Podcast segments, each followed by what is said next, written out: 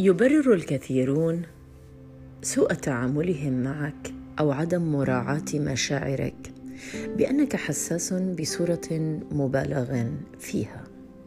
تحاول أن تدافع عن نفسك أول مرة وثاني مرة وبعد ذلك تنسحب تماما من هذه العلاقات المرهقة التي تعتقد أنها لم تعد تستحق منك البذل والعطاء.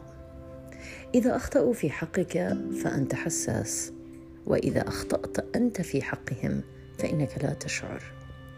يقومون بالكثير من الأخطاء والإساءات المتكررة اتجاهك.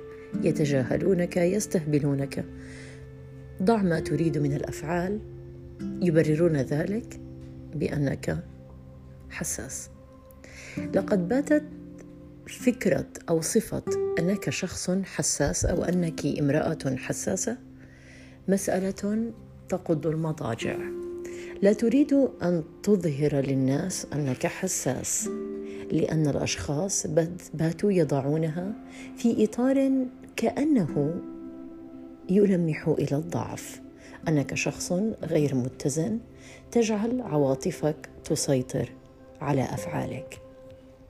أعتقد أنه لا يجب أن تلقي بالا لهذه التفسيرات. أنا لا أقول أنك لا يجب أن تراجع سلوكك. بعضنا مفرط الحساسية. أعترف أنني حساسة نوعا ما.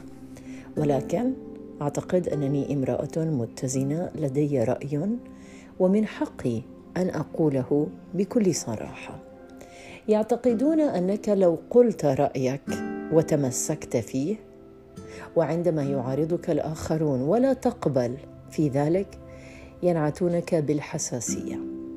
لا تلقي بالا لذلك. كن قويا متماسكا. إذا كنت مؤمن بأمر ما لا تتخلى عنه بسهولة لكي لا يقول أحدهم عنك أنك حساس. حساس؟ هذا يعني أنك تشعر بالآخرين. حساس؟ أنك تفكر مئة مرة قبل أن تقول كلمة من شأنها أن تؤذي الآخرين. حساس؟ أنك ترى في حزن الآخرين حزنا لك وفرحهم فرحا لك. لا تتوقف عن حساسيتك.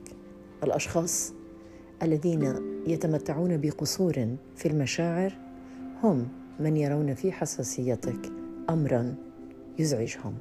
صباح الخير. thank you